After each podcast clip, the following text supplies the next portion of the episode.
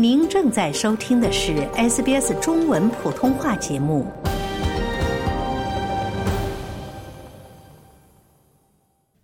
大晚上坐在室外，耳朵里没有噪音，这是每个耳鸣患者的愿望，但是这却很难实现。耳鸣通常被形容为耳朵或头部发出的鸣响，它指的是在没有外部声源的情况下，却能感知到声音的一种状况。耳鸣可以是持续的或偶然的、响亮的或柔和的、轻微的或严重的，并且可能在单耳、双耳或头部听见。这可能是一种孤立和痛苦的经历，会影响所有年龄段和各种背景的人。然而，听力研究员、耳鸣管理工具 Mind Ear 的创始人马蒂厄·雷古纳特博士表示。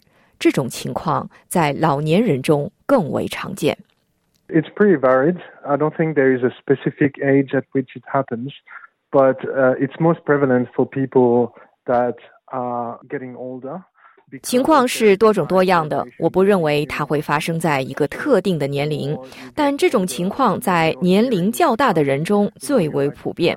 因为在听力减退和耳鸣之间存在高度的相关性，所以您的年龄越大，听力下降的也就越厉害，您就越有可能出现某种程度的耳鸣。因此，我们发现随着年龄的增长，耳鸣的患病率会增加。但这种情况也可能发生在年轻人身上，当他们暴露在噪音中时，比如说，你知道去听音乐会。或长时间听太大声的音乐，他们也可能会出现耳鸣。七十五岁以上的人群中有近一半的人有听力减退，而六十四至七十五岁的人群中，则约有三分之一的人出现了这种情况。但听力慈善机构 Sound Fair 的首席执行官凯特琳·巴尔博士表示，耳鸣在年轻人中变得越来越普遍。We do have this really concerning shift where young people, so 18 to 35, it's 在十八至三十五岁的年轻人中，我们确实存在一个令人忧心的变化。这个人群患耳鸣的情况正变得越来越普遍。确实，在这个年龄段，人们享受音乐和音响。你知道，我们现在可以听音乐、感受音响，这些声音每天都可以直达我们的耳朵。所以，耳鸣可能发生在任何年龄，没有人能幸免。澳大利亚听力协会的一项研究发现，十八至三十五岁的人群中，高达百分之七十的人曾经历过耳鸣，其中百分之十六的人每周经历一次以上。尽管耳鸣会随着年龄的增长而恶化，但对许多人来说，这种疾病可以通过治疗得到改善。雷古纳特博士表示，每个人的治疗效果可能有所不同。Scientific evidence suggests that there are multiple ways of 科学证据表明，有多种方法可以应对耳鸣或管理耳鸣。这些方法已被证明在不同的情形下有帮助。有时结合起来，每个人都不同，每个人的耳鸣也都是不同的。所以你需要应用不同的技术，并意识到每个耳鸣患者必须找到适合他们的综合解决方案，并建立一个让他们感觉良好并能应对耳鸣的作息和习惯。耳鸣管理并不是一个一刀切的解决方案。因为耳鸣患者会听到各种不同类型的声音，嗡嗡声、音调声、尖叫声、静电声、茶壶声、电动马达声、咆哮声。在澳大利亚，百分之三十的人患有耳鸣，对于百分之十五至百分之二十的人来说。耳鸣会带来痛苦，并严重影响他们的生活、心理健康以及日常工作的能力。维多利亚·迪登科过去十年一直患有耳鸣。I mean,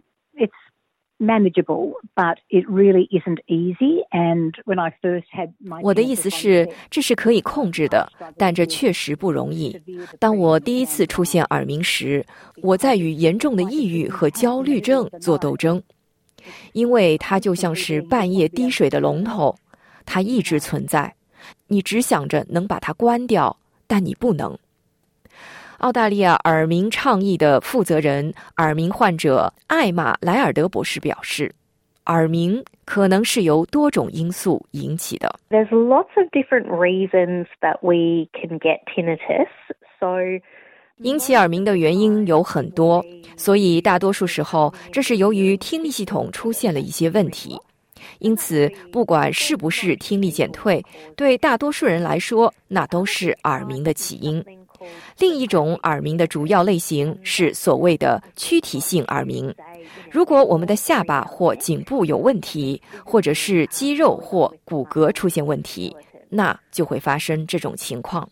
迪登科说，他的母亲和祖母患有听力减退，这可能导致了他也有这种疾病。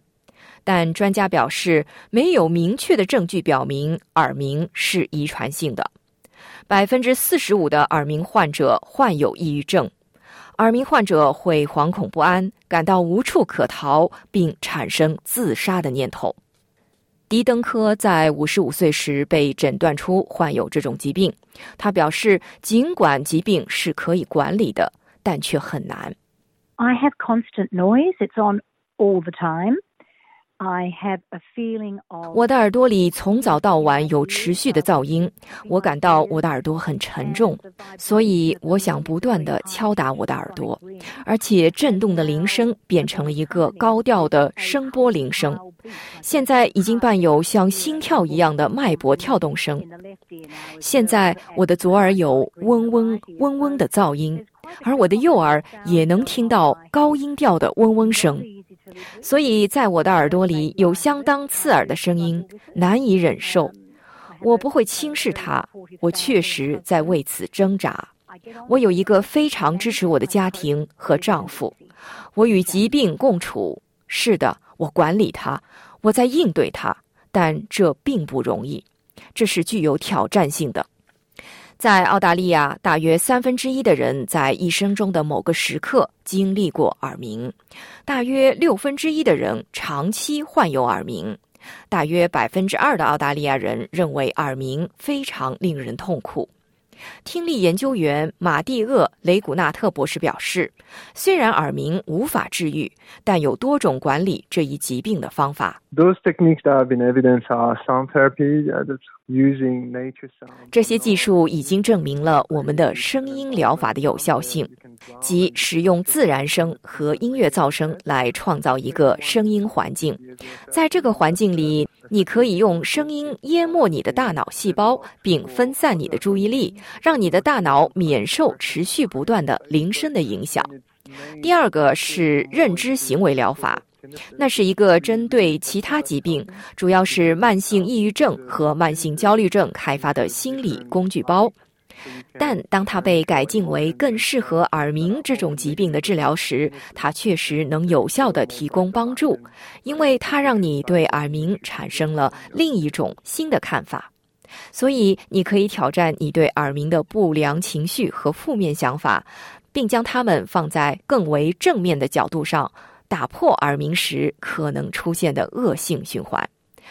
仿生学研究所的高级研发工程师梅赫纳茨。舒什塔利安博士表示，目前正在对耳鸣进行广泛的研究，以便提供最佳的解决方案，并有望治愈耳鸣患者。There is quite a lot of work being done on tinnitus treatments and on measurement of the effect of 在耳鸣治疗和有效治疗的评估方面，正在展开大量的工作。我们当然在评估方面努力实践，所以显然有了更多的资金，这些努力可以使进展更快。所以这是需要的。但我绝对认为，任何经历过这种疾病的人都应该相信，有些事情是可以做的，而且正在取得进展。凯特琳·巴尔博士表示，这种疾病需要更多的认知。Because it's so invisible, it's very hard to measure. 因为它是如此隐形，所以很难评估。没有耳鸣的人很难理解它是什么样的，而有耳鸣的人很难寻求帮助。所以我们希望人们要做的，就是通过谈论它，来使这种隐形的疾病变得更可视。因此，您需要与人交谈，寻求帮助，因为您可以通过多种不同的方式获得对耳鸣患者的帮助和支持。想在 SBS 当一回影评人吗？SBS On Demand 正在推送配有中文字幕的热门影视作品。您只需观看一部或以上影视作品，并把影评观后感发给我们，就有机会赢得一份 SBS 精美礼品。